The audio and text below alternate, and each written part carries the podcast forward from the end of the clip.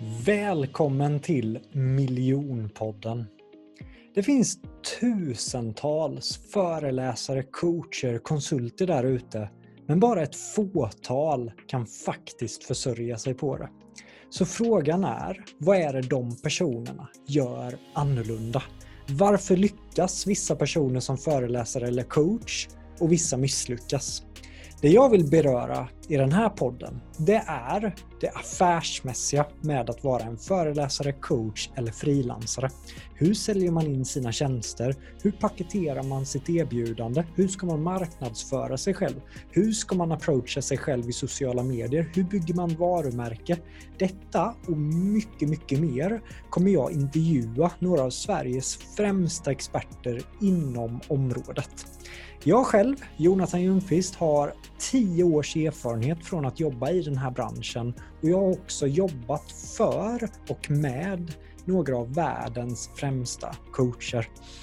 Så att jag är så taggad och inspirerad att ge dig som sitter här och lyssnar hemligheterna bakom det affärsmässiga med att lyckas som föreläsare, coach eller frilansare.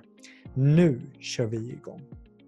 Varmt, varmt, varmt välkomna tillbaka till Miljonpodden. Och det känns extra spännande idag för det här spelar vi in på Riverside som jag nu då efter Sibbes coachning ska gå över till. Han sa man kan inte spela in en podcast på Zoom. Så idag kör jag dagens gäst på en ny plattform så det känns som bortaplan men det är jag extra taggad på. Och idag man säger ju det att man ska ju spara de bästaste av de bästa lite längre in i sin poddkarriär. Så att jag har medvetet hållit på den här giganten Sibbe Silvén. Han driver Bright Mind Agency med Alexander Morad som jag också intervjuat i, i den här podden och Morad, alltså sättet Morad har lyft Sibbe till mig under åren och hur han gjorde det i början, det fick mig att bli så nyfiken på vem är Sibbe? Vad är det Sibbe egentligen gör? Vad är det han bidrar med? Och Sibbe har, jag har ju nämnt Sibbe så många gånger i min podd. Han är ju en av mina tekniska coacher.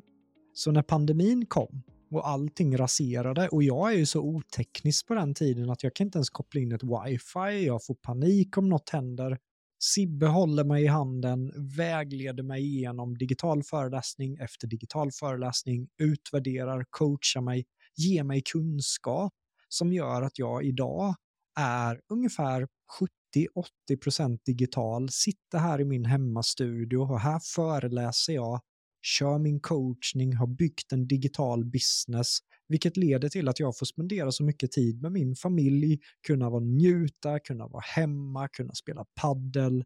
Och det här är mycket tack vare Sibbes coachning och de verktygen som han har gett mig. Räddaren i nöden, men senaste tiden har han också lagt 5 till 700 timmar och djupdykt ner i AI och alla de här bitarna. Och Sibbe sa till mig att ja, men vi tog också in Sibbe som gästföreläsare för miljonkursen och folk var helt tagna och kände att oj, vilka genvägar det finns här om man använder sig av ChatGPT på rätt sätt. Då kan man ju faktiskt ta fram sin paketering, man kan göra målgruppsanalyser, man kan göra så många saker som vi har gjort manuellt. Så det här kommer det här avsnittet handla om. Dels hur kan vi bli mer digitala, men också hur kan man jobba med AI för att det faktiskt ska spara oss så mycket tid i våran vardag. Sibbe sitter ju hemma nu och bygger offerter, han bygger hemsidor, han redigerar bilder. Han gör ju mer eller mindre allt med en AI känns det som. Och nu är han mer vältränad än någonsin och jag känner att det här introt börjar bli lite för långt. Välkommen Sibbe! Tack så jättemycket Jonathan. Ja, det var lite så. Jag höll på att testa, nästan gå på toa under tiden, men eh, jättekul att vara här Jonathan. Och som sagt, vi ska försöka dela mycket AI-värde och tekniskt värde till eh, lyssnarna idag tänkte jag. Jag hade ju hoppats på att kunna ta din poddebut, men så blev det inte nu. Nej, det är ju ett avsnitt ute redan och några andra på gång, så att eh, får se hur snabbt det här kommer ut. Ja, det kan bli nummer två, Jonathan. Vi får se. Du får vi lägga ut det så, så snabbt som möjligt. ja, vi sa ju det båda, att vi båda sitter idag med lite eh, torrhosta och förkylda. Så ja, om ni undrar om Sibbe nys eller jag börjar hosta så, så är vi inte helt hundra idag. Men jag är ändå säker på Sibbe att vi kommer ju leverera ett eh, 10 av 10 avsnitt idag, eller hur? Ja, alltså det finns inget annat. Eh, det är klart vi ska göra det. Och eh, hosta när vi kör digitalt, det stoppar ju inte oss från att eh, faktiskt spela in. Så att, eh, det är också en fördel med det tekniska och att vi kan sitta i våra studios, även om vi bor ganska nära varandra, Jonathan. Det är lite, tar ju bara fem till sju minuter att åka med bilen till dig. Alltså jag kände mig så lat nu. Så alltså det... Jag kände mig så lat när du sa vi ska inte spela in det här fysiskt. Jag bara nej, jag sätter mig hellre i källaren. Så har vi tio minuter till, till varandra. Men gud vad, vad spännande det här ska bli att djupdyka i din hjärna Sibbe. Ja, och jag gillar ju att dela med mig av eh, min hjärna så att ehm, och jag har ju massa mer kunskap nu Jonathan. Jag menar, du har inte ens blivit uppdaterad på det senaste, vad, vad jag har tränat mig själv på. Um, så att vi ska försöka bryta ner det, tänker jag, till hur det kan liksom vara en fördel för föreläsare och coacher. Um, ja, ge massa värde helt enkelt. Snyggt alltså. När var det vi träffades egentligen Sibbe första gången? Ja, jag... 2017 vill jag minnas att då träffade jag dig första gången. Ehm, sen 2018 vet jag att vi började små samarbeta tillsammans, eller då var det ju mest med, med Morad som du jobbade med. Mm. Men eh, då drev ju jag och Alexander Brightmind tillsammans, så att eh, jag fick ändå möjligheten att se dig lite här och var. Ehm, men sen var det väl först egentligen, ja, när var, det vi, när var det vi började jobba tillsammans? Det var ju pandemin egentligen, så det var väl någonstans 2019, 2020 där någonstans, eh, skulle, jag, mm. skulle jag gissa på. Ja, men det var någonstans Har du datumet kändes... exakt eller? Nej, det har jag inte skrivit ner. Men det, jag tyckte det ändå var under Davids wow-kurs. Det var verkligen där vi, tycker jag, att vi connectade rejält. För innan det så, ja, vi kände till varandra, men, men under wow-kursen där med självledarskapsbiten så, ja, jäklar vilken, vilken resa du gjorde där, kändes det som. Vad, vad tyckte du om Davids eh, wow-kurs? Nu gör vi lite reklam för, för honom också då. Ja, ja, det, det, det, får han. Det får han. Eh, ja, men så här var det att jag mådde ju rätt, eh, rätt skit faktiskt, om jag ska vara helt ärlig. Eh, det hade hänt mycket saker i familj, familjen. Min pappa hade gått bort och lite sådana här saker som gjorde att man, man kände sig rätt eh, ångestfylld och deprimerad. Eh, och jag kände att jag behövde någonting. Eh, och då ehm, pushade du, eller du rekommenderade ju wow-kursen och sa att du borde testa det här. Eh, och det gjorde jag och det var en av de bästa grejerna jag gjort i mitt liv. Alltså det förändrade verkligen mitt mindset 100 eh, procent, hur jag tänker och hur jag resonerar och hur jag liksom lär mig att fokusera på det positiva i, i alla lägen istället. Eh, för att tänka på hur, hur dålig jag är på saker och ting så tänker jag på hur, ja, hur man kan, hur man kan liksom leva i nuet och, och fokusera på det positiva helt enkelt. Så att eh, det har förändrat mig 100 procent. Så jag är jättetacksam för den möjligheten. Mm, då, jag, jag tycker verkligen att eh, det var som att du, varje gång man såg dig efter den kursen så var det som att du såg något mer hälsosam ut. Du såg ännu mer, du dricker grönsaksjuice, du gymmar, du blir vältränad. Så det är som att varje gång man ser dig så är det som en uppgradering av Sibbe helt enkelt. Så, så häftigt verkligen att, eh, att se. Ja, men, men det var sen ja, det där ja, som vi som vi började jobba eh, på ett och annat sätt. Och det började ju främst med att jag var så oteknisk, fick panik där som jag sa i introt och eh, då var du där, du gav checklister, du berättade vad man skulle köpa in. Men en reflektion Sibbe, för även om det var väldigt relevant att bli mer digital hemma under pandemin, nu har ju samhället ställt om igen. Nu är det ingen pandemi, är det fortfarande relevant tycker du att bli mer digital? Ja, det är, en, det är en väldigt bra fråga som många ställer sig nu och många kanske bortprioriterar det digitala och vill vara ute och resa och träffas. Men jag, jag ser ju så många idag som fortfarande inte har jag ska säga så här, de har ju liksom landat någonstans i att okej, okay, jag behöver inte betala riktigt kanske lika mycket för att just hotell och mat och resekostnader idag är ofta saker som sticker iväg för många företag som ska anlita det, föreläsare och vad det kan vara. Och säga att man som föreläsare idag kanske tar 50-60 000 för en föreläsning. Och det tillkommer resa på 10 000 och det tillkommer hotell på några tusenlappar och det tillkommer vad det kan vara. Det är många företag idag som tycker att men det funkar jättebra att köra digitalt. Eh, det är helt okej okay och jag kommer gärna ner den där pengen. Så mm. att eh, som jag, liksom, jag tittar ju på, jag har ju börjat föreläsa ganska mycket nu inom just AI. Och det är inte många som ställer krav på att det ska vara fysiskt. Bara, ja, men du kan köra digital workshop eller du kan köra den här kursen digitalt, det funkar jättebra.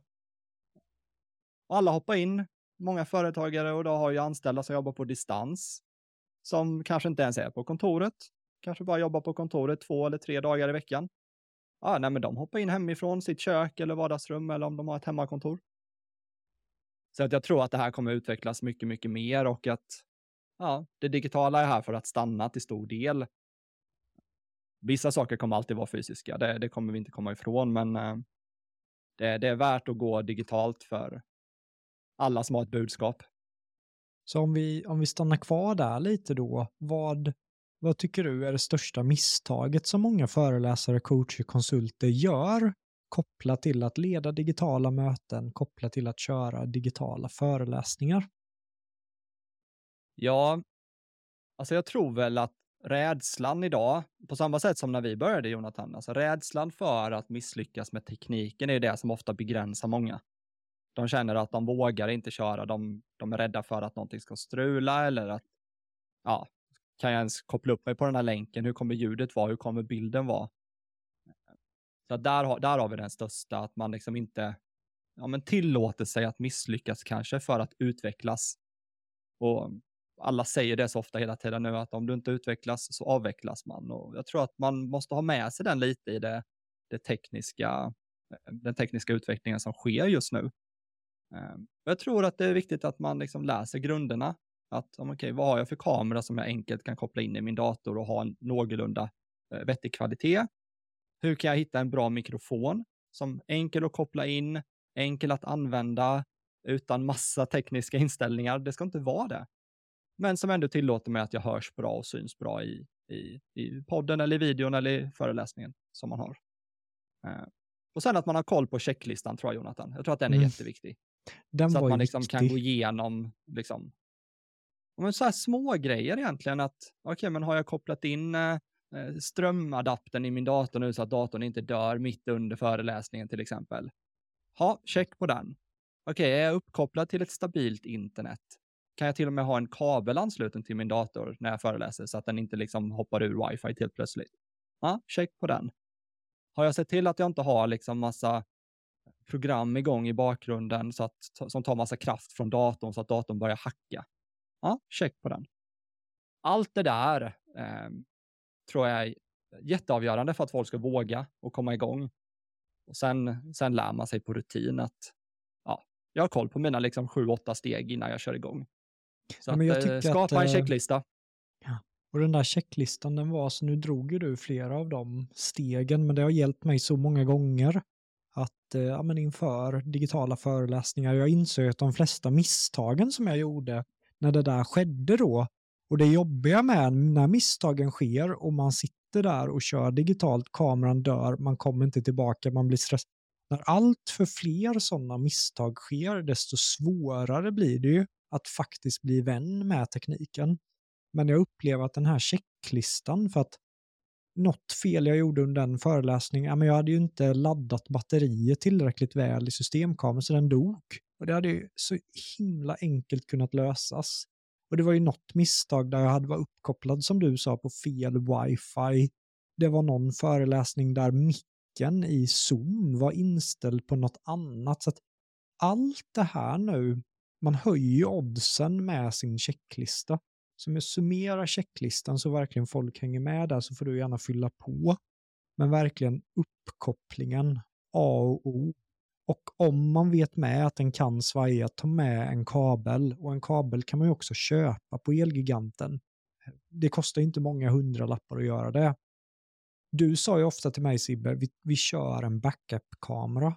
Att om man har en webbkamera till exempel från Logitech, vilket man kommer, det, Sibbe gillar ju inte kanske den nivån, men om man börjar och inte har föreläst så mycket digitalt så tycker jag det är ett bra första steg, för den är ju ändå anpassad för det digitala och man kommer igång, man gör framsteg innan man investerar i, i ännu tyngre grejer. Så om man har webbkameran jämte datakameran i alla fall, så att ifall webbkameran strular så har man datakameran så det inte blir helt svart. Så att vi jobbar ju mycket på backups, eh, Sibbe, vad jag, vill, vad jag kommer ihåg mycket av. Eh, och sen eh, flikarna var ju jätteviktigt för mig att verkligen använde jag Zoom, stäng ner allting som drar internet. För jag upplevde ju tydligt, speciellt innan jag köpte en ny dator, att när det var flikar uppe, då laggade det på Zoom. Då orkade inte datorn riktigt eh, sköta det. Alltså göra en check också, gillade jag Sibbe. Att man ändå 15 minuter innan man går live, ja men då checkar man hur känns det, man ringer en polare, så man inte gör det när kunden kopplar upp. För då blir det ju mycket, mycket stressigare när kunden sitter och lyssnar och så börjar lagga helt plötsligt. Då är det ju tryggare att ha en person som dig, Sibbe till exempel. Hur, hur är det här? Du kanske kommer och vrider och vänder och sen kan man gå vidare. Vill du fylla ja, på något där? Ja, men det jag tänker Jonathan som man skulle kunna lägga till i checklistan är ju, och det här glömmer väldigt många, men det är just att man förbereder sig i god tid inför att man ska hålla sin föreläsning. Så att man liksom inte börjar starta igång datorn fem minuter innan man ska köra. Utan att man kanske förbereder om men en, en timme innan. Är man lite osäker, ja men starta igång datorn, se till att alla tekniska sladdar finns där. Se till att programmen startar upp som de ska. Och sen att du också då kanske hinner förbereda dig att, ja men behöver du gå på toa, då hinner du göra det innan. Och även förbereda kanske med vatten eller liksom få in någonting att dricka så att du kan känna att ja, men nu klarar jag mig att hålla föreläsningen i en timme här. Mm. Viktiga saker, det är inte så mycket tekniskt kring just det, men eh, ändå väldigt viktigt för att du ska känna trygghet. Mm. Vilket program kör du dina digitala föreläsningar på? Zoom, Teams, Google, Riverside vet jag inte ens om man kan föreläsa via. Eller vilket program tycker du är det bästa programmet? Jag, jag kör ju egentligen mycket kopplat till ibland Alltså det handlar mycket om vad kunden har också. Ibland har ju kunden bjudit in till Teams. Då blir det ofta att man kör sändningen på Teams. Sen jobbar jag ju jättemycket med det här programmet, Jonathan, som jag har pushat dig mycket med. Eh, OBS heter ju det. Där jag liksom kör själva sändningen så att säga, där jag liksom har min bild och mitt ljud. Där jag också kan visa bilder och presentationer och sånt. Jag är ju inte vän riktigt med det här med att man skärmdelar sin presentation, utan jag försöker ju liksom baka in mig själv i min presentation. Um, så att det, det, tycker jag är viktigt att uh, göra det interaktivt. Liksom. För det är någonstans att det man vill ja, få upplevelsen att bli, bli bra, även att vi kör det i digitalt uh, format. Mm. Vad, vad är det som är fel med att skärmdela då? För det vet jag att väldigt, väldigt många gör.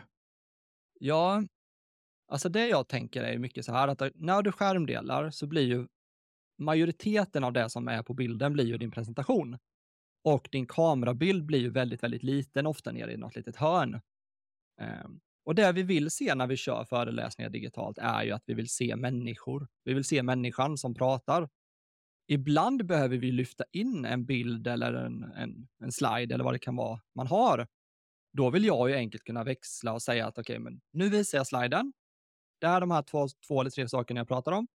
Och sen vill jag växla tillbaka till att jag kommer i fullskärmsläge. Och det blir alldeles för krångligt att göra för, speciellt om man är lite oteknisk, stänga av skärmdelning, starta skärmdelning. Det, det är väldigt svårt att uh, göra det live. Så du rekommenderar OBS helt enkelt?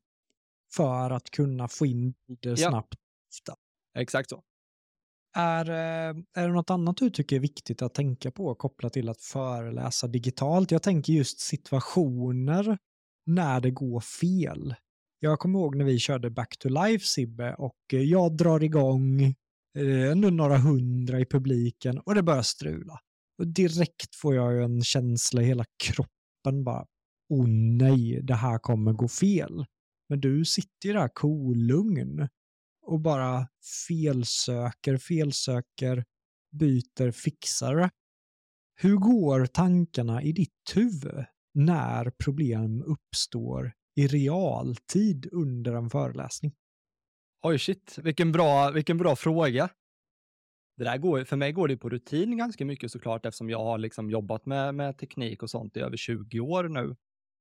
Um, men, men i grund och botten så handlar det mycket om att bara liksom behålla sitt lugn.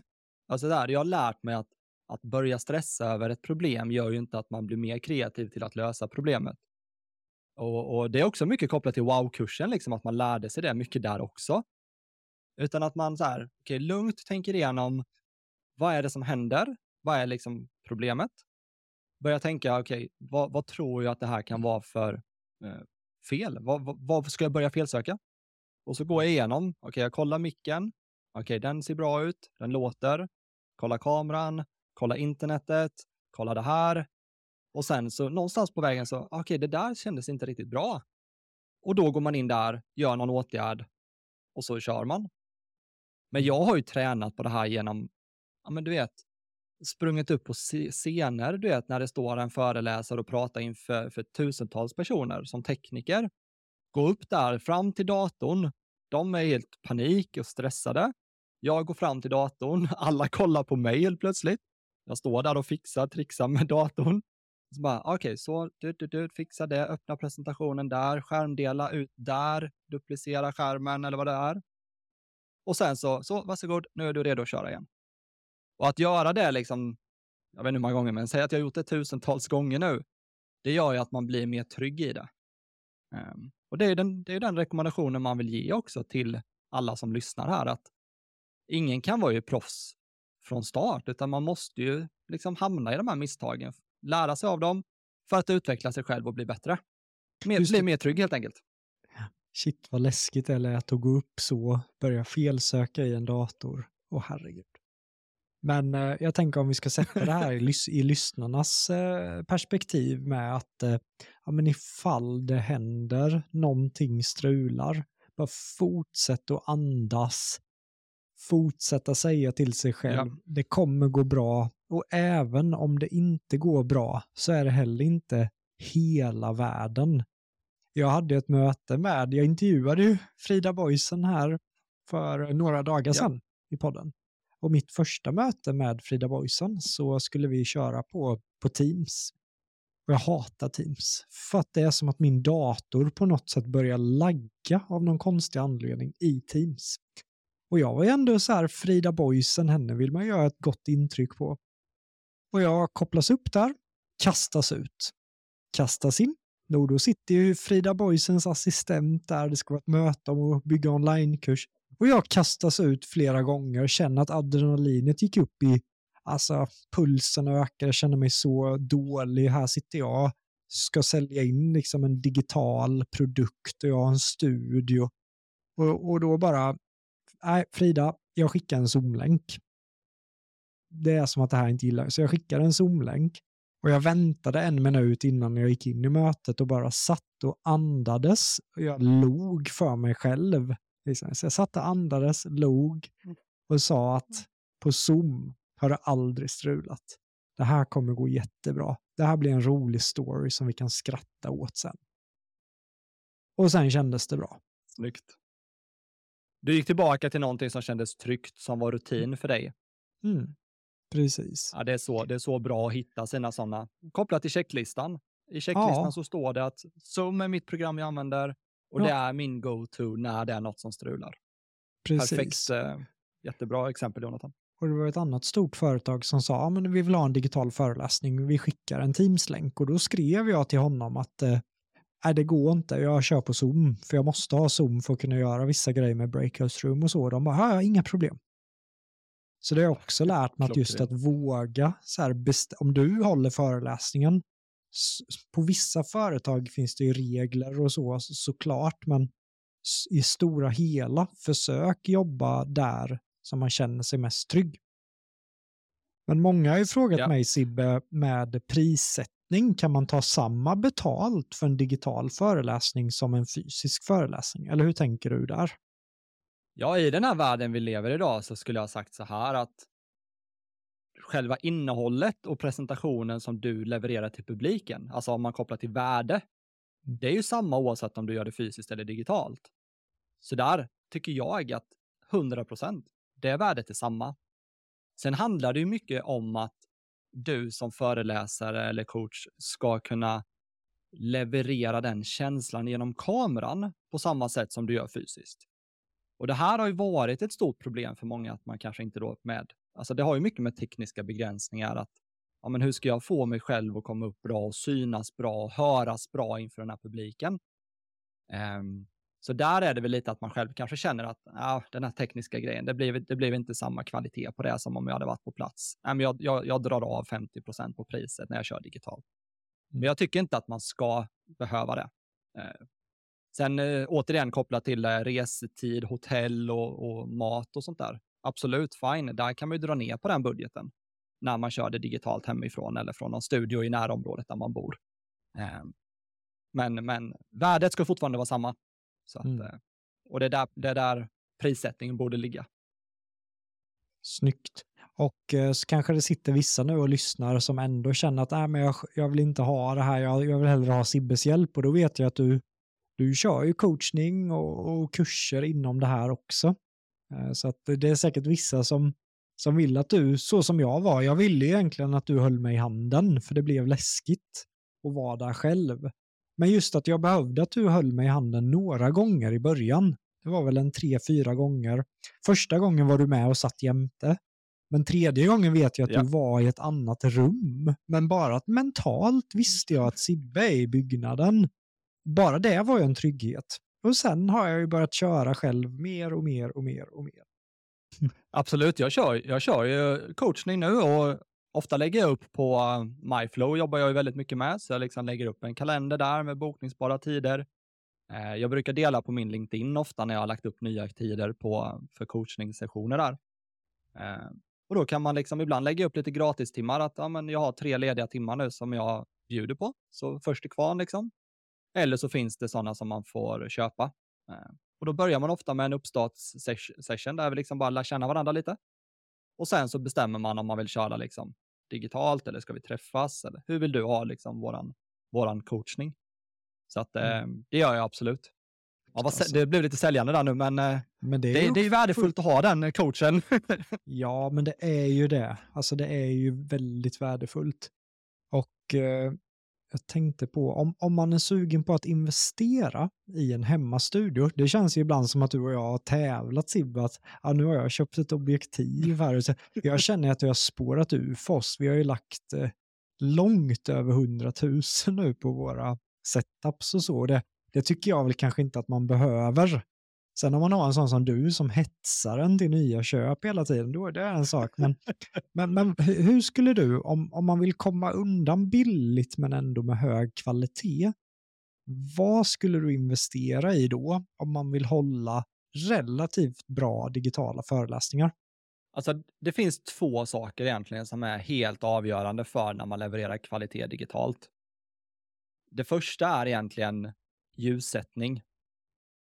Om du kan leverera en bra ljussättning i det rummet där du befinner dig, då kommer många kameror, oavsett om det är lite billigare kameror, kunna hålla en väldigt bra kvalitet. Och det andra är egentligen att du investerar i en vettig mikrofon. För att alla vi som kör digitalt nu, eller om vi kollar på digitala klipp, om det är på YouTube eller TikTok eller Instagram, det som är det som gör att du stannar kvar och lyssnar eller lämnar, det är hur bra ljudet låter.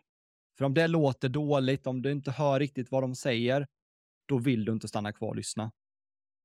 Och en, den micken jag kör här, den här micken kostar ungefär eh, 1900 kronor tror jag. Det finns en lite billigare version som kostar runt 900 kronor som håller nästan samma kvalitet. Och jag har, nu har jag min systemkamera, men jag har också min backup-kamera då, som är en kamera som är tillräckligt bra för alla föreläsare där ute. Och den köpte jag för 900 kronor på Mediamarkt, tror jag det var. Um, och sen att man har någon lampa liksom som lyser på en, som gör att man lyser upp lite grann. Och det kostar ju också några hundra lappar om du köper någon vettig lampa på eh, Amazon eller på eh, vad det kan vara. Mm. Så det är inte många tusenlappar man behöver investera, Jonathan. Mm. Jag tror just de siffrorna kan vara rätt skönt att höra.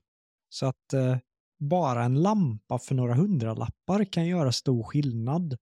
Eh, och ljussättningen påverkar bild och sen en mikrofon för 1 och 9. Det ska man också då ta en föreläsning och ta 30 000 för en digital föreläsning, då tycker jag det är en skyldighet att man ändå har vettiga grejer. Får man inte ha det, då tycker inte jag riktigt man Alltså, vad, vad, säger du om det Sibbe? Om man inte, så att man bara har en datakamera och ingen mick så ska du ta 30 000 för en för. Det känns ju fel mot kunden tycker jag. Ja, alltså jag tycker att man ska försöka hålla kvalitet och eh, leverera det genom kameran. Eh, syns man inte bra, hörs man inte bra, så kommer det vara sjukt svårt att få ditt värde att komma igenom kameran. Så att jag tror att det måste, det måste du göra.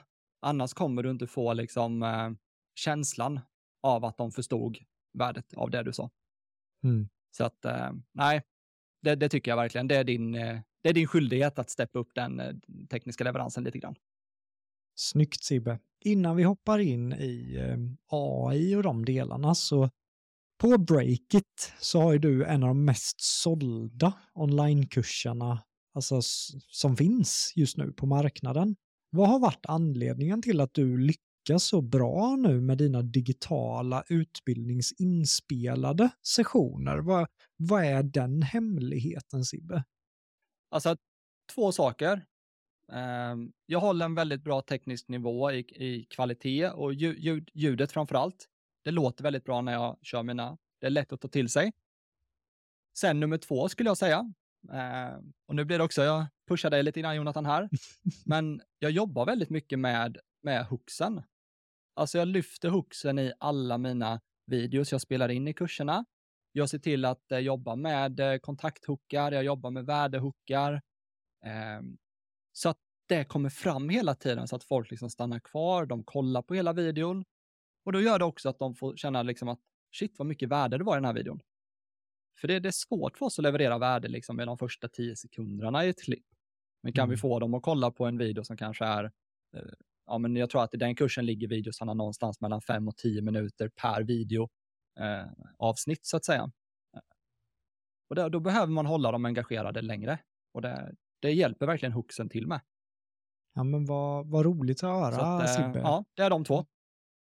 Det, det glädjer mig att du verkligen uh, har anammat hooksen och du har ju verkligen förstått dem också. Och jag hade ju aldrig kunnat byggt en onlinekurs så snabbt. Om inte, jag hade ju stödord med hooksen brände av film efter film efter film. Vilken hook gillar du absolut mest Sibbe? Ja, jag skulle nog säga nu, eh, Alltså i, i början var det väldigt mycket att jag försökte liksom använda värdehooken hela tiden. Mm. För att jag kände att okay, jag vill ge värde, jag vill ge värde, jag vill ge värde. Men det jag lärde mig till slut efter att ha jobbat mer med hooksen var att kontakthooken var det viktigaste för mig för att de skulle verkligen vilja liksom ta del av värdehooken i steg två. Så att kör jag en digital eh, kurs till exempel där jag inte vet vem målgruppen är. Eh, Breakit-kursen till exempel är ju on demand, så den köper ju någon när som helst. Mm. Och att jag pratar väldigt mycket till dig som tittar nu. Att jag är liksom i kameran och pratar till en individ. För de köper kursen en person och sitter och kollar på den själv. Det är inte liksom ni eller sådär. Så den, den är viktig.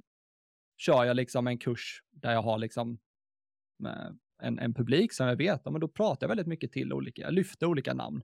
Ja, men eh, Jonathan, vad, vad tyckte du om det där? Eller eh, Jessica, kommer du ihåg det där som vi pratade om nyss? Vad, vad tar du med dig från det? Så att man lyfter det hela tiden för att få engagemang, interaktivitet. Och det, det har varit jätteavgörande för mig. Så kontakthooken skulle jag säga. Det är ju en av mina bästa vänner med, speciellt med det digitala. Just om jag har Feja nu som så här, kanske inte ens vet vad hoxen är, så är det ju det är mina byggstenar hur jag bygger föreläsningar och presentationer och, och även använder mig av i poddar. Men just Sibbe lyfter kontakthoken. Och kontakthoken kan man göra med form av att man ställer frågor till gruppen, öppna frågor ibland, alltså frågor för alla att reflektera, men ibland riktade frågor. Att man använder folks namn. Man kan köra reflektionsövningar, man kan utmana gruppen. Digitalt kan man köra breakouts room det finns ofta funktioner i systemen med som tillåter kontakttoken. Men superkul Sib att du, du tycker om det. Ja, jag ser resultatet Jonathan och då vill man jobba mer med det, så är det ju. Men, så det, nej, det är superkul. Låt oss eh, hoppa ner i ditt hjärteämne just nu då med AI, ChatGPT.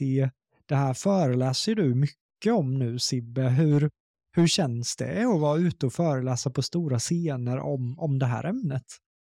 Ja, alltså det är, det, är, det är jättekul att vara ute och få ge som sagt mer värde, för det har varit min, min viktigaste punkt i det här, att jag lägger mycket tid på att lära mig och sen sammanställer jag det, alltså mycket kopplat till hooksen och sen levererar jag det värdet till en publik. För jag, jag, jag har lärt mig en viktig grej, att om jag ska bli bättre på någonting så kan jag liksom testa och göra det för att bli bättre och liksom lära känna och hitta misstagen. Men jag har förstått nu att genom att lära ut det jag kan till andra gör att jag utvecklar mig själv mycket bättre och snabbare. Så det har varit en viktig grej i min personliga utveckling att eh, ha både digitalt och fysiskt liksom. Eh, sen har jag ju alltid stått på scener liksom, alltså det har ju varit en sån extremt stor stress och press för mig, skapat ångest extremt mycket. Eh, men återigen kommer jag tillbaka till vad jag har lärt mig liksom på framförallt wow-kursen liksom. Eh, presentationsteknik, hur man liksom förbereder sig med, eh, kolla på alla de här känslosamma bilderna, eh, bestämmer sig för att jag ska gå ut på den här scenen och leverera värde. Jag tänker inte någonstans på liksom min egen prestation egentligen eller liksom så, utan mitt värde är leverera värde till målgruppen, publiken, då kommer de uppskatta mig och det jag säger liksom. Och jag har ju fått extremt bra recensioner nu från alla jag har hållit, både när det är för studenter eller för marknadsförare, eh, haft för företag, liksom stora företag, några av världens största företag. Jag har liksom haft workshop inom AI för nu. Så att eh, jag gillar det. Det känns ju som att eh, det kom, det blev väldigt ute när, när ChatGPT släpptes och då var ju du redan så påläst så du kunde ju så mycket när det blev hett vilket öppnade upp en väldig lucka för dig att nu få föreläsa mycket. Just the power of timing, det pratar ju Charlotte Dunhoff mycket om i sitt avsnitt, men här, här är det ett praktexempel på det som jag tycker många lyssnare med kan ta med sig att blir man riktigt, riktigt bra på någonting som man kanske förutspår kommer komma till marknaden, så när det väl kommer, då är man redo, då tar man den med kraft. Och ibland lyckas man och ibland inte. Vad, vad är dina reflektioner där med timing Sibbe och hur man kan jobba med timing på det sättet? Ja, alltså det är ju viktigt. Alltså. Vi har ju sett så många tekniska produkter framför allt som har försökt att hitta sin timing som inte funkade och sen liksom fem, tio år senare har de släppt samma produkt och då togs det med storm av målgruppen. Så att har man ett budskap, oavsett om man pratar om eh, ledarskap eller eh, psykisk ohälsa eller AI, så handlar det om att liksom någonstans fånga vågen lite grann. Och ju liksom, kan du fånga vågen på uppväg, okej okay, nu blir det en trend, nu blir det hett, då har du större chans att få liksom en bredare publik och så vidare. Men, men jag ska också lägga till här att alltså även om jag har ett ämne att prata om, så måste jag ju fortfarande hitta min målgrupp som faktiskt tycker att det är intressant och vill boka mig. Eh, så det är viktigt att man pratar om det. Alltså jag har jobbat jättemycket med LinkedIn nu, att jag liksom ger, alltså jag ger så mycket värde på LinkedIn och pratar om mitt ämne. Och jag ger ju ofta nästan allt värde som jag pratar om i min föreläsning också, i olika inlägg. Men det har gjort att de har känt en, ett förtroende för mig. De känner att shit, den här eh, Sibbe verkar kunna liksom det han snackar om. Jag måste liksom få mitt företag att boka honom eller jag vill att han kommer och håller en föreläsning på vårt eh, event eller vad det kan vara. Så att alla de bokningarna jag har fått nu kommer från att jag har marknadsfört mig själv på LinkedIn. Eh, 100 procent. Genom att, egentligen värde. Jobba med mig och ge värde där. Ja. Vill du ge 100 procent värde bara. Vill du ge något exempel där hur ett sånt inlägg skulle kunna vara på LinkedIn där du ger värde i text eller i film? Hur specifikt har du gett värde som har, som har lett till bokningar? kommer inte riktigt ihåg exakt hur inlägget var skrivet nu. Men det jag ofta gör, det, det är, eller två saker egentligen. Att en grej jag gör är att jag ofta delar liksom vilka nya typer av funktioner kommer eller trender inom mitt område. Så att folk känner att okej, okay, men om jag följer Sibbe, om jag likar och engagerar mig på hans kanal så kommer jag få de senaste trenderna inom det här ämnet. Så det gjorde att jag fick väldigt mycket mer engagemang på min kanal och det ökade min räckvidd. Sen då så har jag de inläggen som är lite mer kopplade till att jag ger liksom så här, så här gör du. Så här kan du effektivisera din marknadsföring med hjälp av AI. Gör de här fem stegen så kommer du öka din effektivitet i, med marknadsföring med 20 procent liksom. Så att de känner att de får ett värde bara genom att läsa mitt inlägg som de kan ta direkt action på. Eh, så att det inte är liksom att man ger ett värde, men sen för att utföra det så behöver du köpa min tjänst. För då blir det inte ett mervärde, utan då blir det bara en, en, ett sälj. Och det, det funkar aldrig. Mm. Eh, bygg förtroende genom att ge värde i, i dina inlägg. Jätteviktigt.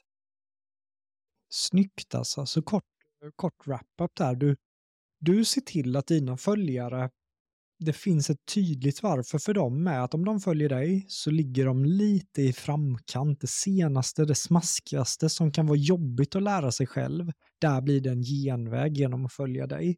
Och sen mycket praktiskt med, så här gör du, strukturerat, klicka på den knappen det, det uppskattar jag ju när du gör så hypertydligt så att även oteknisk person som jag kan göra någonting och sen kommer jag vidare. Det är som att du jobbar med värdehooken då ju, fast inom LinkedIn. Det är coolt, i skrift. Alltså hela tiden tänker jag värde. Hook, mm. Hooken med kontakthooken, värdehooken i allt. Återigen, alltså den här viktiga grejen, det är ju ett all, allmänt tips, men att man hela tiden pratar till en person. Eh, in i kameran eller på LinkedIn så är det alltid en person som läser ditt inlägg. Så skriv inte generellt till ni eller flera eller dem eller vad det man nu har. Det är du och det är dig som det här inlägget är kopplat och riktat till. Just det. Eh, det var ett litet bonustips där. Men då får jag, alltså du, du säger så mycket spännande saker så jag bara, ja, vi måste in i ChatGPT, men jag tror det handlar om att eftersom jag själv inte ännu, säger jag, är ashypad på det så dras jag ju till mina vanliga frågor här med dig för du har så mycket andra spännande. Men du får nästan pusha in mig där för jag vet att när du och Morad och när ni verkligen lyckas få, få den där poletten och falla ner då kommer jag ju vara hype som alla andra men just nu så har jag något motstånd märker jag. Men när du lär dig saker Sibbe, så blir du ofta jävligt bra på det. Du nämnde innan att du gillar att lära ut det till andra, men hur bestämmer du dig för vart, för vad för kunskap som ska gå in i ditt huvud? Hur diskvalificerar du egentligen vart du ska lägga din tid när du lär dig saker? Det är spännande. Nice. För mycket handlar ju om att jag någonstans tittar på vad kan det här skapa för värde för mig själv? Eller då om jag kan ge ett extra värde till min målgrupp. Då känner jag att okej, okay, då är det värt för mig att ha den här kunskapen. För då kan jag ge mer värde till andra. Men, men tittar jag på just AI, om vi ska liksom djupdyka lite grann i just det ämnet. Alltså jag har tittat och liksom ex experimenterat med AI egentligen sedan 2011, eh, när det blev ganska hypat i, i världen. Men 2022 nu egentligen så kom det ju liksom ChatGPT och alla fick access till AI och alla förstod, okej okay, shit vad AI kan göra det här och det här och det här. Eh, men det, det jag tror det handlar om är vi jobbar med marknadsföring på Brightmind. Marknadsföring är en av de sakerna som kommer ligga i bräschen när det kommer till liksom nya trender, ny teknik, hur jobbar vi med den här produkten? Och då blev det så här att jag såg att AI kunde ha en stor potential att förändra marknadsföringsbranschen på ett, på ett negativt sätt för byråer skulle jag säga, för att liksom AI kan göra mycket av det arbetet vi gör. Och då ville jag någonstans vara ledande där och säga att då vill jag liksom inte fastna efter och liksom bli överkörd av den, utan jag vill leda den och säga att nu kan AI göra det här, då behöver vi göra något annat. Så att vi blir mer kreativa, mer strategiska, eller gör någonting helt annat som AI inte kan. För att inte liksom helt enkelt bli, eh, ja, inte behövas längre. Eh, och det försöker jag pusha mitt team för hela tiden. okej, okay, men nu har det här kommit liksom, då har vi ett internt möte där jag visar upp de senaste grejerna inom AI. Och så säger jag till dem att in och testa och experimentera det här nu. Har ni någon fråga som ni fastnar i, i eran, när ni ska ta fram den här texten, bilden, fråga AI först. För mm. att ni mm. måste in och experimentera med tekniken för att lära er. Eh, och många gånger nu så behöver de inte ens fråga mig längre. Ja, men Sibbe, jag löste det där. AI gav mig instruktioner för hur jag skulle lösa det problemet. Och så kunde jag lösa problemet själv. Alltså det är så otroligt tidssparande för mig och effektivisera mitt liv väldigt mycket. Ja, så att jag kan ge mer det... värde på LinkedIn. Ja. ja, men det är sånt här jag behöver höra Sibbe. Och desto mer sånt här jag hör, desto mer. Men jag undrar ju som, som delägare som jag ändå är i Brightman, kan inte jag få vara med på de där mötena? Jo, det är klart. Det är bara att mejla Tida och säga att alla AI-möten som Sibbe håller ska jag få en invite till. Ja, så, lö så löser hon säkert det. Vi kör, vi kör jättemycket nu. Mm. Det brukar vara jag tror att det brukar vara ett eh, internmöte i veckan ungefär just nu, som där jag på något sätt lyfter någon nyhet om AI. För att visa hur kan vi göra marknadsföringen bättre, effektivare, eh, eller vad det kan vara. Så att, Shit eh, vad häftigt. Men vi går väl in lite på det. Ja, men jag är gärna med på, på någon där, men jag tänker just för min, min lyssnargrupp här med föreläsare, coacher, konsulter vilka arbetsuppgifter som finns för en coach och föreläsare. Framförallt kan en AI göra. Då tänker jag på offertskrivning, behovsanalys. Om du raddar upp några arbetsuppgifter som faktiskt kan tas bort ur vardagen, vad skulle det vara? Ja, precis. Eh, AI idag är ju väldigt, väldigt bra på att skriva text, att ta fram texter. Eh, och några saker som vi har använt det till väldigt mycket, som jag tror att lyssnarna skulle kunna också göra, det är ju att skriva värdeskapande artiklar på en hemsida om det ämnet som de pratar om. För mig är det ju liksom då AI till exempel. Så här. Hur kan jag som föreläsare bli bättre på att utnyttja AIns eh, tekniska möjligheter för att eh, marknadsföra mig själv? Den kan ta fram massa olika exempel och texter för detta. Så du kan in på din sida, dela den sidan med dina användare på LinkedIn och säga att okej, okay, men jag har tagit fram det här. Du kan lära dig mycket av den kunskapen jag lär ut bara genom att kolla på den här landningssidan. Bygg mm. förtroende och mervärde. Och, och AI gör mycket av jobbet. Mm. Sen är det ju mycket då kopplat till, eh, kollar vi profiler till exempel. Jag vet att eh, MyFlow till exempel, nu är vi investerare i MyFlow också, men jag vet att eh, Oliver där la ju in så att när du ska skriva till exempel en profiltext om dig själv eller en biografi, då kan du få den att hämta in information från din LinkedIn-sida och sen generera en biografi på din landningssida baserat på vad du har för kompetenser och vad du har skrivit på din LinkedIn. Ja, då effektiviserar du återigen hela den processen och får en bra skriven, för att en bra skriven text, en bra skriven information som också kan eh, ja, hjälpa dig att marknadsföra dig själv. Eh, så där är några exempel på hur man verkligen kan utnyttja det från dag ett. Och, sen, och jag ska säga också, för det är en, det är en vanlig, ska bara säga att det är en vanlig grej att alla här inne kommer åt den här AI idag. Den är inte låst, den, den behöver inte kosta pengar, utan alla kan gå till ai.com det är det enda du behöver, så kommer du åt den här chatten där du kan börja liksom skriva frågor. Kan du ta fram en säljande text till mig om eh, eh psykisk ohälsa, eh, till exempel? Men blir det inte någonting, alltså, kan, man, kan du ta fram en säljande text om psykisk ohälsa? Tappar man inte det personliga då? Om, tänk om 20 pers skriver det, då får de samma landningssida. Vad tänker du där Sibbe? Hur kan man gå runt det? Jättebra. Det, det här är mycket det jag föreläser om. För mitt, mitt ämne egentligen är så här, um, hur, hur kan jag bli bättre på att prata med AI? Så att eh, en, en grej som kom upp som en artikel för ett tag sedan var så här att hur bra du är på att prata med en AI kommer kunna påverka din framtida karriär. Ja, okej, okay, men då kanske det är bra för mig att kunna prata med AI. Att liksom ställa rätt fråga. Så idag pratar vi mycket grann om att man ska kunna skriva en, en, en prompt, kallas det på AI-språk, Men det är egentligen texten du skriver i din fråga.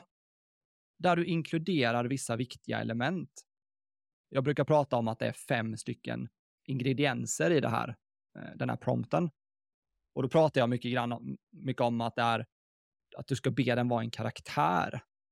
Att du ska försöka få den att vara dig själv kanske. Eller någon som är expert inom ditt ämne. Om jag vill att du ska vara en expert inom psykisk ohälsa, jag vill att du ska ha 30 års erfarenhet av att ha hjälpt företag, företagare eller privatpersoner att komma ur sin psykiska ohälsa och få ett bättre liv. Första ingrediensen. Andra, andra ingrediensen är sätta scenen. På samma sätt som eh, man ska i en digital föreläsning måste jag prata med publiken och jag måste hålla en viss typ av ton. Jag kanske inte ska sätta mig i soffan och chilla och eh, relaxa liksom och sådär, utan man måste liksom anpassa sig till miljön. Så här kan ett exempel vara då att jag vill att du är i ett eh, möte med en potentiell klient där ni diskuterar just psykisk ohälsa. Så att man liksom säger till AI att okej, okay, det här är miljön och rummet du är i just nu. Och sen i det tredje steget så är det egentligen att vad är det jag vill att du ska leverera för någonting? Och där kan det vara det här att jag vill att du ska ta fram en säljande sida där du berättar vilka är de viktigaste sakerna som man ska tänka på som privatperson eller företagare om man ska lyckas slå sig ur från sin psykiska ohälsa. Jag vill att du levererar den här texten i eh, en punktlista eller i en text som är 500 ord. Allt sånt där. Fjärde steget är att man ska säga vad är det för typ av ton man ska ha på den här texten? Ska den vara eh, formell? Ska den vara inspirerande? Ska den vara humoristisk? Väldigt avgörande för hur du får svaret tillbaka. Psykisk ohälsa kanske man inte alltid ska skriva på ett humoristiskt sätt. Men ibland kan det behövas för att få folk att faktiskt eh, läsa hela texten. Och det sista är egentligen bara språket. Okej, okay, jag vill att du ska skriva den på svenska, engelska eller vad du nu har för målgrupp. För det kan också AI hjälpa dig med. Så där har du egentligen de fem hemliga ingredienserna som man skriver till AI, får svaret tillbaka. Så shit, nu kände jag att frekvensen av värde blev väldigt högt. Det känns nästan som att oj, får jag ens ta hela din föreläsning in i min podd? Väldigt generöst. Sibbe, så om jag bara ja, hängde jag, med jag här värde. Men om jag bara hängde med nu, kort, eh, kort recap. Första då, karaktär. Vem, vem är du? Jo, men du är den här personen. Skriver man den frågan då och så skickar man den och sen skickar man en till nummer två eller skickar man allt på en gång? Eh, man kan göra både, både och. Jag brukar alltid skriva allting i samma. Men det går i den här AI.com att skriva en och en, liksom, så att den känner att okej, okay, ja, jag har karaktären, vad vill jag att jag gör i nästa steg? Och då ger man mm. nästa in, eh, ingrediens. Det går också.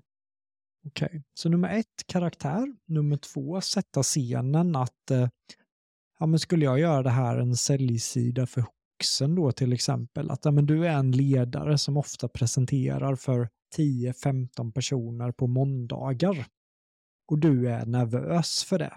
Men då finns det ju en karaktär och det finns en scen. Och sen nummer tre, Exakt. om jag kommer ihåg rätt, jo men precis. Då ska den personen leverera någonting inspirerande, någonting motiverande. Och sen vad? Exakt. Jag vill ha en text som hookar intresset för en ledare som vill ha det här resultatet. Jag vill ha en säljande text som ska locka intresse för den här personen. Och jag vill att tonen ska vara ganska ex, ex vad säger man Sibbe? Du vet vad jag menar? Alltså premium, jag vill att det ska tilltala högt uppsatta chefer så det ska vara en viss ja. form av seriositet i texten. Och jag vill att det här ska vara på swahili. Nej, engelska. ja, men ju... exakt. Den kan skriva många språk. Var det korrekt uppfattat, Sibbe? Ja, jag tycker att du fick med det jättebra, Jonathan. Eh, och som sagt, eh, oavsett vilken typ av språk eller ton eh, på texten man vill att den ska skriva, så gör det väldigt mycket för hur texten faktiskt formuleras i svaret. Mm. Ehm, men jag ska lägga till en grej till Jonathan som kan vara viktigt för alla att tänka på. Eh, det är just att det är viktigt att ni inte bara direkt kopierar svaret som AI ger och skickar det till någon eller lägger upp det på er landningssida. Mm. Utan jag vill att alla tänker på att man behöver liksom läsa igenom, kanske justera något ord här och var. Ehm, jag kan ta ett, ett exempel när jag utvecklade en, ehm, eller utvecklade, jag tog hjälp av AI för att överklaga ett skadestånd som min son fick på sin dator i skolan. Um, och då, då, då fick vi skadeståndet hem på ett papper. Eh, jag tog den här texten, la in den i AI och så skrev jag till AI så här att jag vill att du tar fram en överklagan där vi tycker att vi inte ska eh, betala det här skadeståndet. Och så gav jag några så här, om jag sa karaktären, men jag är pappa till den här sonen och det här är vad som har hänt och det här är vår vision eller version av händelsen. Och så sa jag, ta fram överklagan. Eh, och då skrev jag att den skulle skriva det på ganska så här formell business för att eh, ja, vi ska skicka det här till liksom utbildningsenheten. Och den gav mig ett ganska bra svar. Men den, den började hela svaret med kära utbildningsenheten. och jag kände att alltså, i en överklagan kanske inte jag ska skriva kära utbildningsenheten. Ja, det var ett exempel på hur man kanske ska bara titta över, skriva om vissa delar av texten innan man skickar iväg det. Mm. så att, ehm, tänk på det. det är så sjukt coolt. Hela det var ju med i media över hela Jönköping att du vann den processen med alltså en AI. Det, jag tänkte faktiskt lyfta det i mitt intro också, men kul att du snappade upp den. Oerhört kraftigt. Oer... Bara nu så hör folk, säkert folk i min tonart att jag är taggad, mer taggad på det här. Bara när vi börjar pröva. Det är ofta så jag är. Jag är ganska trögstartad, men när jag väl rullar igång in i nya ämnen så, så då går det snabbt. Men bara få höra sånt här och få någon konkrethet i de här fem stegen tyckte jag var superbra verkligen. Jag vet att eh, Elon Musk är ganska rädd för vad AI kan göra för världen. Det finns många som som är rädda för AI. Vad känner du med det Sibbe? Ja, jag är också väldigt insatt i Elon Musk eh, och eh, alla andra företag som jobbar med AI, men om jag har tolkat det här rätt, och jag vet inte om det stämmer eller inte, så att ni får inte ta det, men, men det är min åsikt och det är mina tankar. Och det är att Elon Musk var med och startade OpenAI, som har liksom startat och skapat det här ChatGPT, som är på alla släppar just nu. Eh, han gjorde det 2015. Eh, och sen egentligen 2018 så lämnade han OpenAI för att Microsoft gick in och investerade ganska mycket pengar i företaget. Och en grej som Elon Musk inte gillar, det är att bli styrd och kontrollerad av ett företag. Att företaget säger att nu ska vi göra på det här sättet. Vi ska jobba med det för att det ska bli en säljande produkt i vårt Office-program till exempel då, då vill inte Elon Musk vara med. Och han gillar inte heller när det begränsas och filtreras, utan han vill att allting ska vara öppet. Han vill att det ska vara ett, eh, eh, alla ska få säga och säga vad de tycker liksom. Eh, så att det Elon Musk gjorde nu var ju att han har ju startat upp ett nytt AI-företag eh, där han kommer utve utveckla en helt egen sån här ChatGPT-konkurrent egentligen, som återigen ska vara helt fri och inte begränsad, utan att han vill att användarna ska va, va, ha kontrollen och inte företagen. Så det blev lite långt där nu, men eh, mm. jag är inte så rädd för, för AI. Vi har fortfarande kontrollen, vi människor.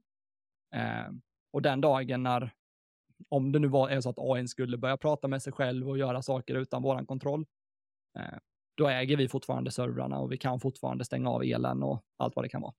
Så att eh, vi, vi har fortfarande kontroll. Snyggt Sibbe. Och det var det bästa, för det är må mångas, Elon Musk har ju sån jäkla power, så det är lite, reagerar han på ett sätt, säger han att något är dåligt, då blir det som, ja men Aftonbladet plockar upp det, promota, Elon gillar inte. Alltså det, det blir så kraftigt hur man kan påverkas av information bara, bara på grund av vissa personer. Jag tycker du svarar ju klockrent och det här visar också hur otroligt insatt du verkligen är i. Du har fått, säkert fått den frågan och behövt gå, gå till botten med det. Men jag tänker Sibbe, vad är egenskaper som, som föreläsare, coach, konsult som en AI inte kan ersätta? Alltså jag tror att det handlar mycket om att en, en AI kan ju alltid ge värde och eh, skapa liksom texter och, och presentationer också. Men det personliga kommer ju fortfarande vara väldigt drivande. Och det AI idag inte kan, den kanske kan det om tio år, men det är att verkligen leverera den här kraften och energin. Du pratade om det innan, innan Jonathan, att du ändrade din röst bara genom att du kände dig mer inspirerad och engagerad. Att, att kunna leverera det genom en kamera eller på en scen eller vad du nu är, det kommer vara svårt för AI att göra det. Men, men att skapa liksom en, en AI-avatar till exempel som ser ut som mig, som rör på läpparna som mig, det kommer AI kunna göra. Typ som utbildningsvideos för skolan till exempel. Ja, man kommer kunna lätt kunna skapa en individuell lektion i videoformat för någon som är, eh, går i grundskolan. En specifik för mellanstadiet, en för högst, högstadiet, en för gymnasiet till exempel. Man kan göra en kurs som är mer anpassad för de som är, eh, ja men min son själv har ADHD, ja men den här videokursen är specifikt anpassad för dem med ADHD. Det blir lite mer kortare, det blir lite mer dopamin i den, mm. för att de inte orkar liksom lyssna lika länge. Eh, så att det här ser vi jättemycket kommer skapas nu. Men eh, vi, vi, vi som är, eh, vad ska man säga, alltså kreativitet och strategiska grejer kommer fortfarande vi människor behöva göra väldigt mycket. Mm. Och leverera värde i form av att vi engagerar med, med publik och sånt. Kontakttoken tror jag, den kommer AI ha svårt att leverera. Och den är ju en av de viktigaste också. Nej, men jag, ja, jag exakt. Att du säger det här, Sibbo. Jag tror många kommer känna en viss lättnad av att höra just dig. För, för på AI och de här frågorna så är det många som kollar på dig och just att ja, men det personliga energimässigt. För vissa personer blir så extremt rädda. Bara nej, jag kommer tappa mitt jobb och det här kommer hända och, och hela det här kommer försvinna. Men just att, att trycka på det också, att det finns delar som en AI faktiskt inte kan ersätta. Vad tror du att om ja. 10-15 år, saker som vi nu kanske inte ens tror är möjligt att en AI kan göra, vad kan det vara för saker om 10-15 år? Ja, häftigt. Häftig fråga. Eh, jag vet att Bill Gates fick den här frågan på 80-talet. jag känner mig som Bill Gates nu. Jag, jag, jag, ser ju mycket om vad som företag utvecklar. Eh, jag ser vilka typer av datorer som utvecklas hur mycket kraftigare de är än vad dagens datorer är. Jag ser ju mycket på när det kommer till eh, olika robotar som kan göra saker och ting. En, en grej jag, jag brukar gilla att lyfta är ju just eh, Tesla. Många, många tänker att Tesla är ett bilföretag, eh, men det är det inte, utan Tesla är ett dataföretag. Det de gör hela tiden är att alla deras bilar som åker på vägarna idag har kameror i sig. De här kamerorna skannar hela tiden omgivningen i 360 grader för att eh, samla in data om vad den ser för någonting. Hur är olika situationer? Vad är det för typ av objekt den ser? Är det människor? Är det cyklar? Är det bussar? Är det hus? Är det träd? Allt det här skickas in på en server som sen Tesla kan använda för att bygga nya system. Nu håller Tesla på att utveckla eh, robotar som kan gå, som kan utföra eh, arbetsuppgifter på industrier. De kan eh, ja, men, lagerarbete, Eh, du ska packa ådrar, du ska ta en sak från A till B. De kan hoppa, de kan göra parkour. Så att de är väldigt rörliga, hållbara och de kan liksom arbeta 24-7 egentligen. De behöver bara ladda batterierna ibland. Så det är klart att här ser vi att mycket i världen och många jobb kommer förändras. För det kommer bli effektivt att eh, anlita de här robotarna och köpa in dem. Mm. Eh, och självkörande bilar kommer komma, liksom, det är bara en tidsfråga. Eh, så att vi kommer inte längre liksom behöva köra bilarna själv. Vi kommer kunna sitta och ha Zoom-möten i bilarna istället om vi nu behöver ta oss någonstans. Vilket jag kan tycka är nice. Eller kanske ja. lägga oss och slagga lite. Helt otroligt ju. Så att vi blir mer effektiva där också. Mm. Men, men, men, ska vi ta det en, ännu längre liksom och, och, se vad jag tror så, så tror jag att liksom vi kommer ju ha den här kunskapen som AI har väldigt mycket mer lättillgängligt. Eh, redan nu håller de på att utveckla chip till exempel som man kan liksom ha nästan inprogrammerat i hjärnan. Som att man liksom, klockans chip blir bara mer lättillgängligt. Och att vi människor, jag tror inte vi kommer behöva skriva Eh, liksom till AI snart, utan jag tror att vi kommer kunna tänka till AI och direkt få ett svar tillbaka presenterat till oss på något sätt. Om det är liksom via ljud, att vi liksom hör svaret, eller att den till och med är kopplad ännu djupare. Eh, och det här är skrämmande för många. Ja, då ska vara ett chip inprogrammerat i hjärnan, Sibbe. Hur, hur tänker du nu? Det, det, vågar vi väl inte? Jo, men jag anser att eh, jag tror att vi kommer våga det. Eh, jag tror att vi behöver bli till viss del parkopplade med AI-tekniken för att inte den ska ta över för mycket. Eh, och sen lägger vi på vårat personliga liksom, lager på AI-kunskapen. Då kommer vi fortfarande bli individuella individer. Men vi har fortfarande kunskapen. Så att där har du eh, lite mina tankar. Ja, jag känner mig det är skrämmande, här... men det är roligt. Det är så himla häftigt att höra dig gå igång på...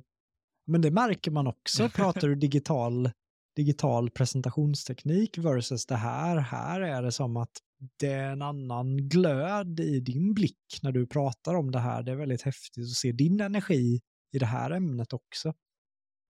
Jag hade ja. ju en fråga på, på tungan nu som jag hade tänkt följa upp. Just det. Just det. Ja, men Frida Boysen pratade mycket med mig om att eh, hitta någonting man är förbannad på och det skapar en väldig eh, energi. Och jag menar, du har ju ofta pratat om att du är rätt förbannad på skol, eh, skolsystemen och hur det är uppbyggt och bara det du droppar här med att man kan skapa utbildningsmaterial för personer med ADHD. Man kan skapa det för personer som kanske inte har lärt sig svenska till en viss grad utan man kan ju situationsanpassa utbildning utifrån behov med hjälp av en AI. Det är ju jävligt coolt. Ja, alltså skolan är ju någonting som är eftersatt, det vet vi ju liksom.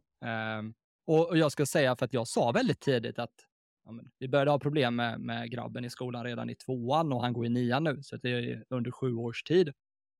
Um, han, det jag ser är ju att skolan kommer inte förändras. Det tar för lång tid. Och då sa alla till mig så här att du borde bli politiker. Då kan du påverka skolan. Eh, men eh, jag förstod ganska snabbt att politiker har inte så mycket att säga till om när det kommer till skolan och utvecklingen där. För det är företagen som bestämmer vilken typ av personer eller personal som vi behöver på företagen. Om Volvo kommer och säger att shit, vi behöver den här typen av arbetare nu som är kreativa och strategiska. Vi behöver inte längre personal som jobbar på löpande band i fabriken då kommer skolan behöva påverka, eller politikerna behöva påverka skolan och hur skolan levererar Eh, folk som kan jobba hos dem. Eh, men det, det jag tittar på är ju väldigt mycket hur jag kan, nu då som företagare, så kan jag få ut mitt budskap genom AI och föreläsningar, så kommer jag hela tiden i kontakt med lärare, rektorer och de lyssnar på min tanke och min take på det. Och de bara, fan Sibbe, du har ju rätt det här är helt otroligt. Vi måste titta mer på hur vi kan få det här ut till våra elever. Och nu har jag ju daglig kontakt med lärare på LinkedIn till exempel. Och jag har ju också fått, ja den här är jättestor för mig, liksom att jag har fått gå med i ledningsgruppen nu för TUC, som är en eh, yrkeshögskola, och få påverka deras kurser nu för hur den nya tekniken ska finnas med så att de eleverna kan ta del av den tekniken som jag kan. Så det är, det är jättestort för mig. Shit, så det, fick, det, är riktigt kul.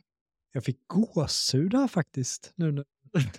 Det var så stark kommunikation att jag bara, äh, helt ta. Grattis Ibbe. Ja, tack. Ja, det är jätte, jag är jättestolt över den, så att, äh, det är riktigt kul. Det är, ett, äh, det är ett litet steg för människan, men ett stort steg för Sibbe. Ja, alltså jag ser Nästa steg blir ju gru grundskolan. Men jag ser ju framför mig att jag sitter och kollar tv någon kväll och så bara sitter du där med topp amerikanska världsledare pratar om AI och då kommer jag kunna säga då, han känner jag. Han har lärt mig allt jag kan om det digitala. Fan vilken mentor. Ja, det är en dröm, men den, eh, den jobbar vi mot. Sibbe, klockan bara stack iväg nu när vi började prata om det här, men jag har en fråga och det är, vad är den, eh, har du någon vana i ditt liv som får dig att bibehålla hög energi på dagarna. För jag menar, du föreläser, du coachar, du kör kurser och så gör du massa praktiska grejer. Så det känns som att du, du har, Morad beskriver det ibland som ett svart hål som man bara kan kasta uppgifter på och sen blir det ihop. vad är din absolut viktigaste vana i din vardag som får dig att må bra? Eh, den, den, den första grejen, det är att som företagare kan jag styra väldigt mycket mer över min tid och använda min tid när jag är som mest effektiv. Jag är en kvällsmänniska till exempel, så att jag gillar att ta det chill på morgonen, Eh, äta frukost i lugn och ro och sen kan jag sitta och vara produktiv hela kvällarna till exempel. Och då är det inte så många som ringer och stör mig och sånt, utan jag kan verkligen liksom beta av. Åtta timmars arbetsdag kan jag lätt beta av på två timmar på kvällen. Så det, det är en viktig grej. Sen handlar det mycket om det här, återigen wow-kursen, att liksom äta bra, få i mig liksom en grön smoothie och kaffe såklart på morgonen. Eh, träna. Nu tränar jag inte alltid på gym, jag tränar mycket hemma. Och så mm. har jag mycket rörelse i VR. Så att nästan varje liksom lunchrast så kör jag ett pass i VR där jag spelar antingen pingis eller jag kör ett boxningspass eller eh, någonting som drar igång pulsen och ger mig, eh, eh ja, jag blir svettig av liksom. Mm. Eh, och då gör jag det varje dag liksom. Det, det, är någonting som verkligen håller mig på, på topp, både mentalt och eh, fysiskt. Eh, och ja, det är nog, det är nog de viktigaste tror jag. Ja, det var ju några stycken. Jag hade en person ja. som, jag hade ett jättebra samtal med eh, Daniel Weidenmark igår. Och då frågade jag som jag gör med många, eh, jag ställer ju frågan, vad är den smartaste och bästa frågan man kan ställa i en podcast? För han har lyssnat mycket på, på min podd och jag ska föreläsa för hans företag nästa vecka. Eh, och då sa han, vi pratade mycket med investeringar och så. Vad, vad, vad, skulle du säga Sibbe är den bästa investeringen som du har gjort i ditt liv? Ja, alltså just, just nu så känner jag ju verkligen att eh, det blir mycket nu, men, men, men wow-kursen har förändrat allt eh, för mig.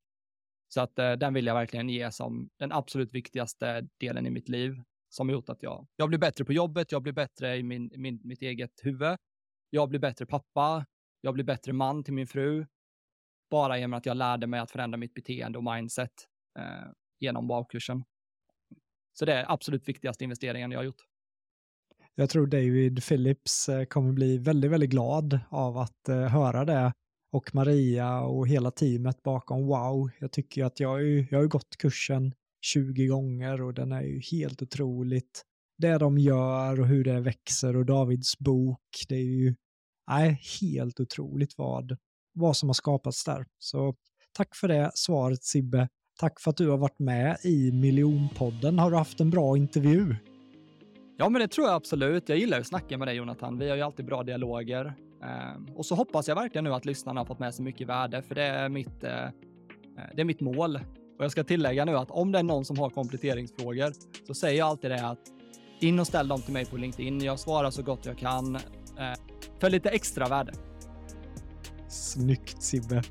Ha en strålande dag nu alla som har lyssnat på det här avsnittet.